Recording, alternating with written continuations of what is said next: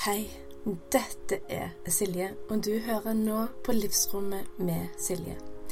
Denne podkasten her er den du hører på for å bli inspirert, for å bli løfta opp, for å lære nye ting, men òg sånn at du finner din vei gjennom motgang og selvfølgelig medgang, sjøl om du har prøvd så mye allerede.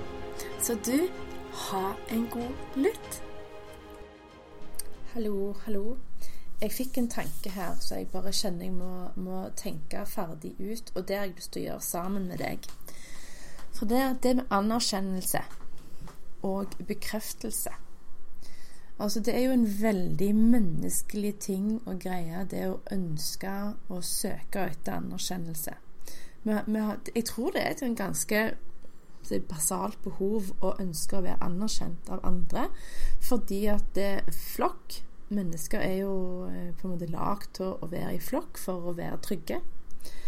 Samtidig så, så er det jo det at vi òg Nå bor vi jo ikke i huler lenger, vi har jo hus, det er jo sivilisert samfunn. Allikevel så har vi lyst til å bli anerkjent og akseptert som en del av gjengen.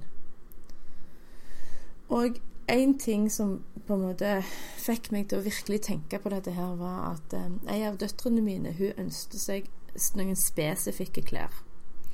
Og det første Og hun har ikke for lite klær, bare så det er sagt. Um, og det første argumentet hun kom med, at det var så populært, og at alle andre hadde det. Og da får jeg litt sånn brems med en gang, for jeg tenker at kjøper man et plagg av på grunnlag av at alle andre har det, så er det jo definitivt det der anerkjennelse, aksept, passe inn-mentaliteten. Da får jeg lyst til å bare kjøpe motsatt. Men det er sånn jeg er. Og så er det det der, tenkte jeg videre på det anerkjennelse og bekreftelse. Det er jo to ord som henger veldig tett sammen. Så hvordan lever vi livet? Lever vi livet vårt med alt det det innebærer for å få bekreftelse fra andre. Og det er jo veldig litt sånn autopilot. Det, er fort gjort. Eller lever vi livet der vi ut ifra en intensjon om å gi oss sjøl den bekreftelsen, eller at sjelen bekrefter at vi gjør riktig, eh, prioriterer riktig, har fokus på riktig. Så denne episoden her kommer til å bli superkort. Men jeg vil egentlig bare levere noen food for thoughts til deg, som du kan ha til ettertanke og refleksjon. For av og til trenger vi å stoppe opp, se på livet, om du velger i argusøyer eller ei. Er det sånn jeg lever nå som jeg egentlig ønsker? Er det sånn jeg lever nå at jeg kjenner det riktig? Anerkjenner jeg meg sjøl på det djupeste planet, det planet som faktisk betyr mest? Higer jeg etter andre sin anerkjennelse eller bekreftelse? Og ofte så er det det vi speider etter eksternt, er noe som vi egentlig leter etter en måte eller en kanal på å gi oss internt. Noe vi ikke har klart å få til å gi oss sjøl, det søker vi etter eksternt, for det at det er et behov i oss som har lyst å fylles opp. Og det er jo helt, helt menneskelig. Så hvordan kan du leve mer ditt autentiske liv, hvor du ikke trenger andres bekreftelse? Eh, og det som jeg har sett for min del i det siste, som har vært utrolig deilig, er at jeg trodde jeg hadde rak ryggrad og en, en, en, stødig trygghet, men den har blitt enda stødigere. Og det har vært så deilig. For jeg har følt meg trygg nok på meg sjøl og i meg sjøl til å kunne snakke fritt om ting jeg ikke tørde å fortelle noen om før. Og det har vært så deilig, og jeg har ikke brydd meg om hvem som har overhørt, eller hva de har hørt, og hvordan og hva. For det har jo vært i en samtale med noen hvor vi har snakket om noe som gjerne ikke er super eh, si, kommers, blant annet healing. eh, og jeg kjenner bare at det er så deilig å skrelle av noen lag, komme litt mer inn til kjernen, bry meg enda mindre om bekreftelse fra andre og anerkjennelse fra andre fordi at jeg gir meg sjøl mer av det jeg trenger. Og det bringer meg òg videre til det at når du er redd for å såre noen Det kan skje i eh, mange settinger. Bare, altså Det å bli såra, det kan man jo bli bare det av at noen opprettholder sine grenser. At de sier nei, at nå, dette passer ikke. Og er du i på en måte ubalansert i forhold til deg sjøl og din feminin slash maskulin energi, og du er på en måte i en såra del av deg, så blir jo du såra av et enkelt nei. avvist, sant. Vi liker jo ikke å bli avvist.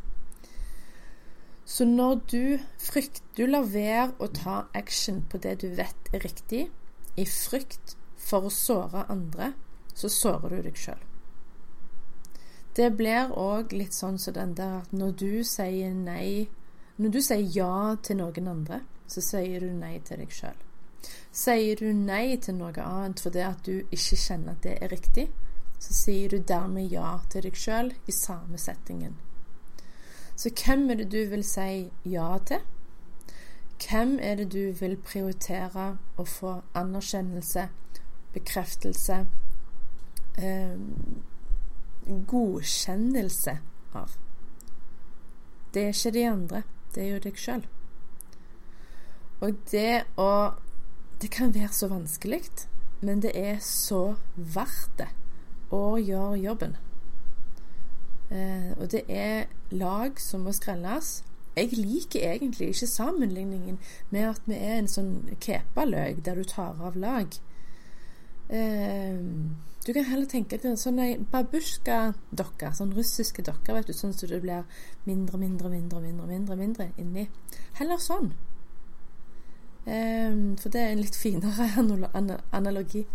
Um, så bare tenk deg det at eh, dess mer du jobber med og på og i deg sjøl, dess tryggere blir du i deg sjøl. Dess tryggere og rakere ryggrad har du i deg sjøl når du gjerne forteller om ting eller står for ting.